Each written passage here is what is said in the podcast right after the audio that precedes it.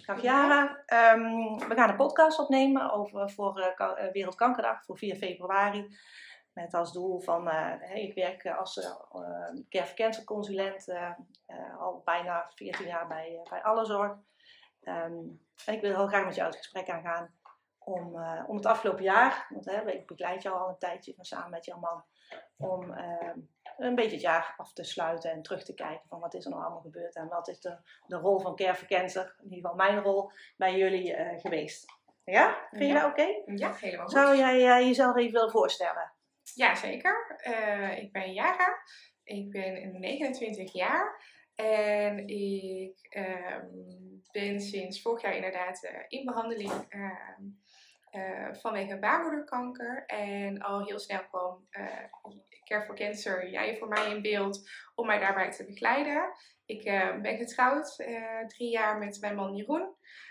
en samen ja, gaan we op dit moment dit verhaal door. Ja, nou dankjewel. Ja, want jij zegt hè, de, diagnose is gesteld. Um, kun je ook een beetje vertellen van wat voor behandelingen je het afgelopen jaar hebt gehad toen jij de diagnose kreeg? Um, ja, um, mijn diagnose werd gesteld uh, aan de hand uh, van een uh, zwangerschap. die liep mis en in eerste instantie dacht men aan een onvolledige miskraam. Um, vanuit dat oogpunt is er een hysteroscopie gedaan, dat is een kijkoperatie. Mm -hmm. En daarbij is een microcurettage gedaan.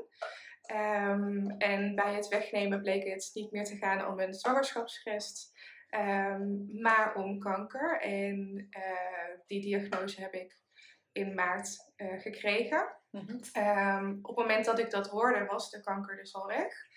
Um, maar daarna heb ik uh, nog een hormoonbehandeling gehad om te zorgen dat de kanker ook weg blijft. Ja, en die is volgens mij het eind van het jaar afgesloten. Ja, ja 2021. Ja. Klopt, ja. Eind, uh, deze, eind december 2021 uh, uh, heb ik die afgesloten.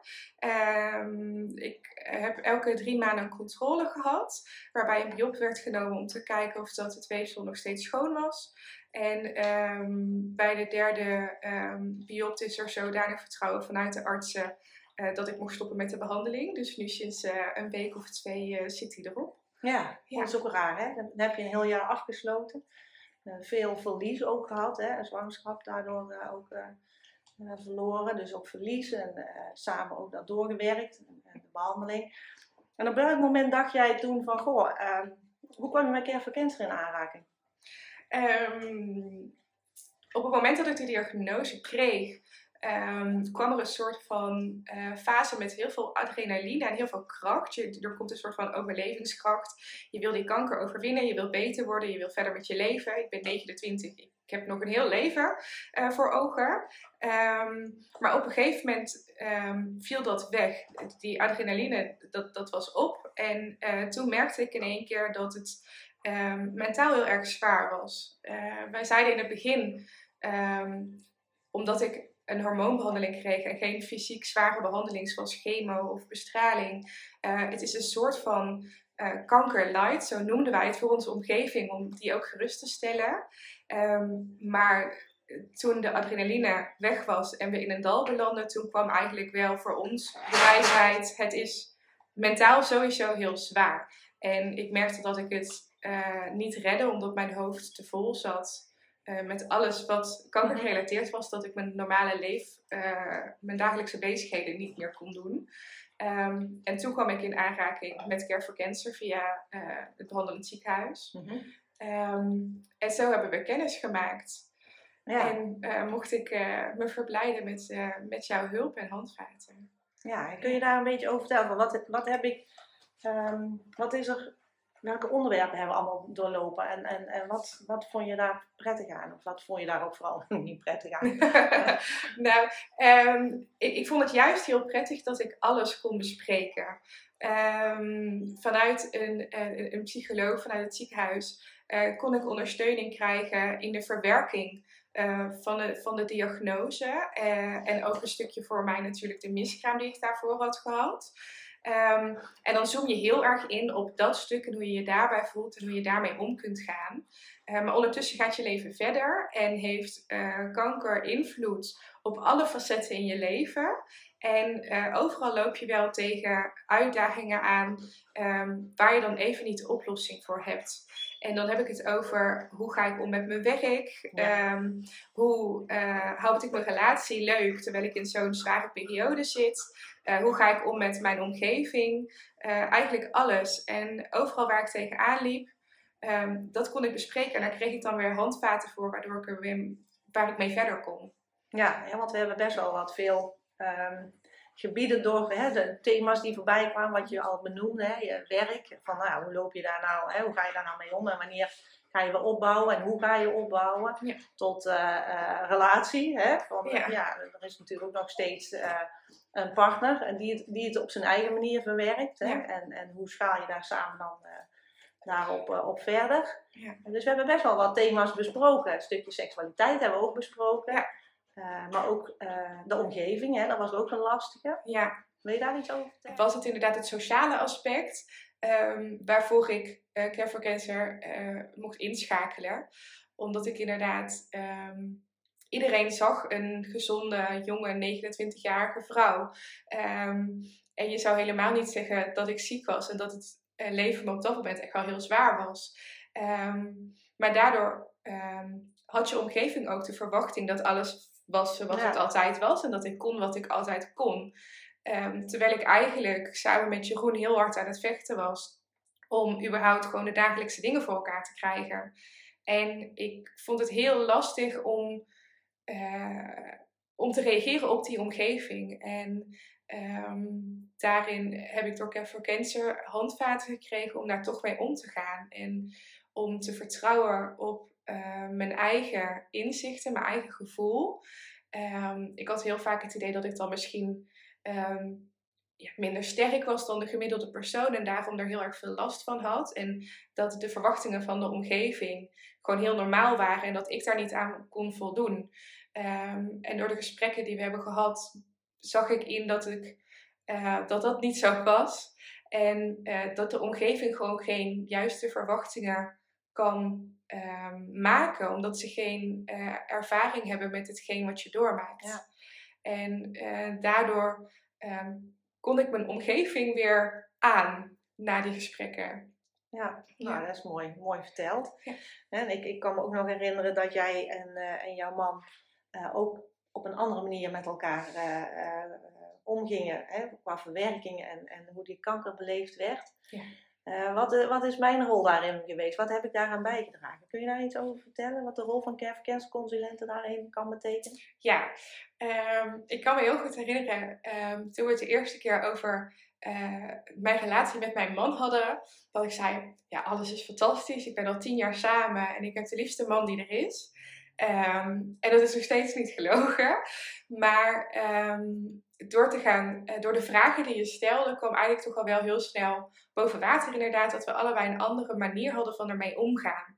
En mijn grootste angst was dat dat zou zorgen dat onze paden uit elkaar zouden gaan.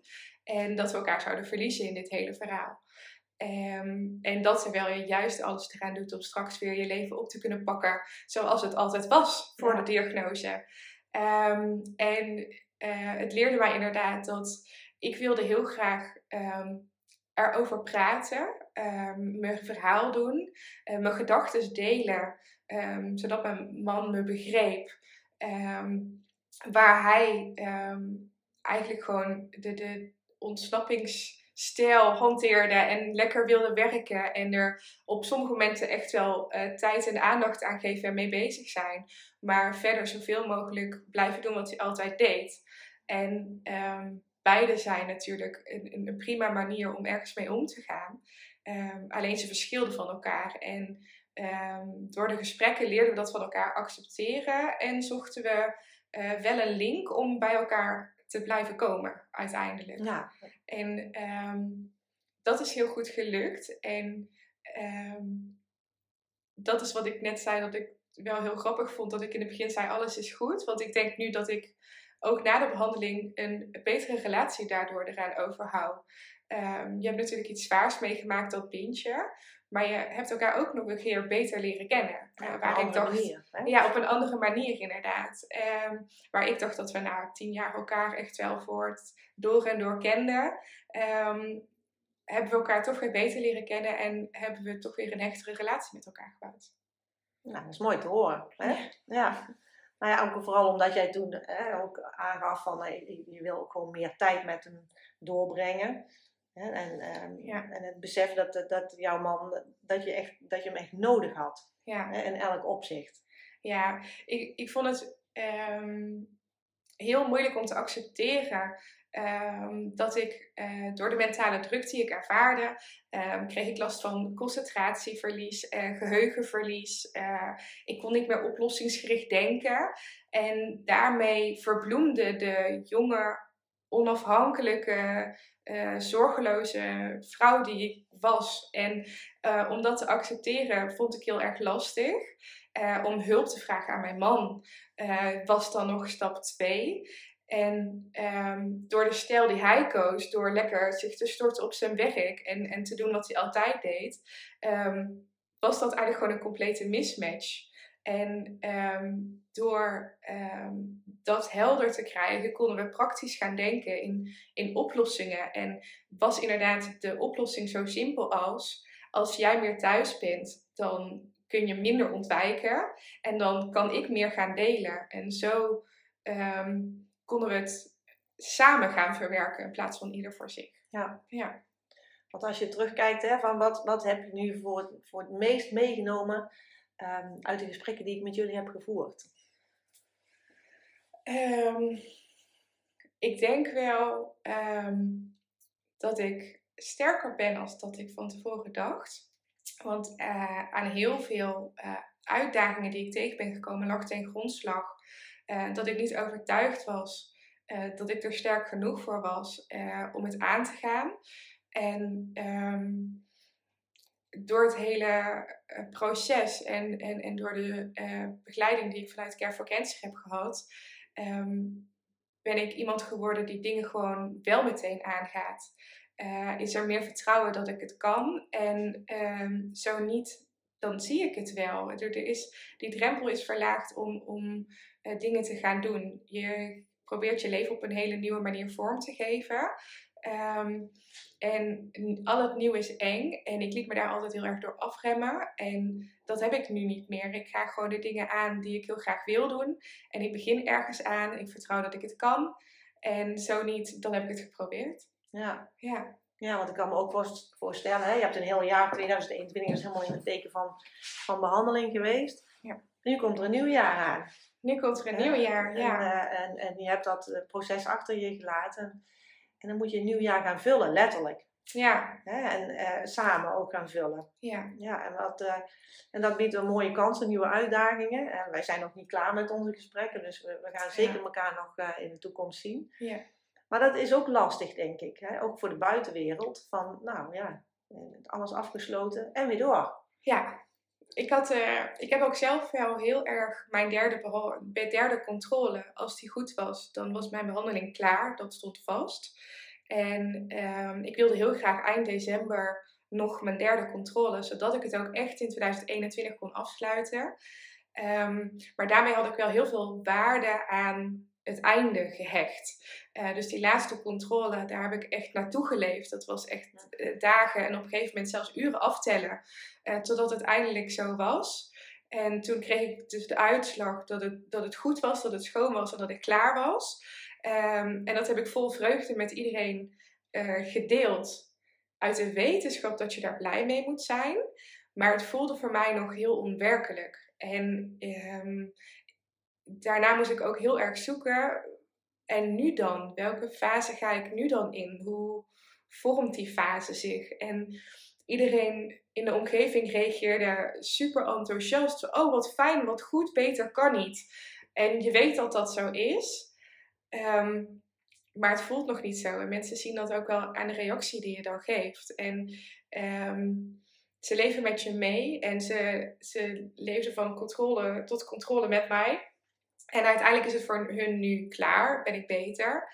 En voor mezelf moet ik dat nu eerst nog afsluiten en verwerken. En ehm, je bent echt heel erg zoekende van oké, hoe was mijn normale leven nou ook alweer? Want je bent zo druk inderdaad bezig geweest met beter worden en het hoofd boven water houden en ehm, eh, elkaar niet kwijtraken en um, zoveel mogelijk doen wat je altijd deed. Wat gaat me nu dan bezighouden? En dat vond ik wel heel lastig. Ja, ja. ja en dat is ook meteen hè, wat een consulent bij de diagnose en tijdens de behandeling, maar ook zeker na herstel hè, of na afsluiten van de behandeling, uh, met je kan gaan onderzoeken. Hè, van, wat, wat ligt er nou nog voor je? Wat ligt er open? Wat ga je aanpakken? Hoe, hoe ga je daar dan weer mee om? Ja, ja ik, ik, ehm, ik vond het al heel fijn dat er een, een ehm, verwachting kon worden geschept in hoe dat het zou zijn daarna. Uh, want ik zelf leefde ook heel erg naar die laatste controle toe en dacht dan is het klaar. En in een van de gesprekken die we hadden gaf je al aan van, maar daarna is een fase en dat is een fase van afsluiten. Um, en dat kan ook echt nog wel het een en ander met je doen. En ben je daar alvast bewust van? En uh, dat zijn wel dingen, um, denk ik, dat is de basis wat Care for Cancer voor mij heeft gedaan me begeleiden van fase naar fase en aangeven wat je erbij kunt verwachten. Want als patiënt overkomt je zoveel. Um, en ik, ik, was nog nooit ziek geweest. Ik was nog nooit voor mezelf in een ziekenhuis geweest, überhaupt. Um, dus ik, ik, was helemaal niet thuis in, in dat je uh, je gezondheid aan iemand anders moet overlaten. En wat het dan met je doet. En uh, door de ervaring uh, die Care for Cancer heeft daarin, kunnen ze dat voor zover als dat het kan um, voorspellen, uh, vooruitleggen uh, aan, aan de cliënten wat je kunt verwachten. Hm. En mij gaf het heel veel rust dat ik dacht, oh ja, dit, dit hoorde hierbij. het is een fase, als het goed is gaat het weer over. je gaat er doorheen, het is heel normaal. Het betekent niet dat het de verkeerde kant op gaat en dat het niet meer goed komt, maar je gaat er doorheen en het komt weer goed. Um, dat, dat verschil heeft het eigenlijk gemaakt. Ja, nou, dat is mooi dat je dat zegt. Ja. want dat is ook uh, precies wat we eigenlijk willen. Dat we in alle fases met je mee kunnen lopen. En wat je zegt is denk ik wel voor heel veel patiënten of cliënten van het overkomt jou, maar ja, wat is dan normaal in die wereld? Hè? Ja. Hoe moet je je voelen en, en, wat je voelt, is dat normaal? Ja. Dus een stukje uitleg, een stukje normaliseren, maar ook het verwachtingspatroon, hè? want je bent jong en je wil wat. Dus je wil ook vooral heel snel. Ja. Uh, en dat een beetje temperen en, en, en ook vertellen dat het gewoon tijd kost. Ja. Hè? En mag kosten. Mag kosten, ja, mag kosten vooral inderdaad. Um, ik dacht in het begin, oké, ik word een jaar behandeld, is een jaar doorbijten. En jaar verloren. Uh, we focussen ons op uh, eh, 2022 en ons verdere leven. En dit jaar is verloren, punt. Um, en daarbij ga je voorbij aan het feit dat je dat jaar nog wel door moet. En dat je die behandeling nog door moet. En um, dat je die niet kunt ontwijken, dat je die aan moet gaan. En uh, zonder dat je weet wat het verwacht. En um, door de hulp van Care for Cancer krijg je wel een bepaalde verwachting. En um, heb je een, een toekomstbeeld naar het leven na kanker toe. En um, dat heeft mij echt wel heel veel uh, positiefs gebracht. Ja. Zijn er ook nog onderwerpen geweest die, die normaal lastig zijn voor je, maar die door onze gesprek wel naar boven zijn gekomen? Van je zegt van, goh, um, dat was anders nooit aangeraakt geweest en, en die zijn nu allemaal besproken? Ja, nou ik denk de relatie met mijn partner, omdat ik zo overtuigd was dat hij goed zat. En het is niet dat hij niet goed zat, um, maar dat er wel ruimte zat. En um, ik denk dat we uh, samen die gesprekken nooit zouden zijn gaan voeren en die vragen zo kritisch naar elkaar hadden gesteld. Um, en dat is iets, dat neem ik nu natuurlijk gewoon in de rest van mijn leven, in de rest van de relatie die ik heb met mijn man, uh, neem ik dat met mij mee. Dat is gewoon een voordeel wat ik uh, daaraan heb opgedaan en daaraan overhoud. Nou, dat is mooi. Ja.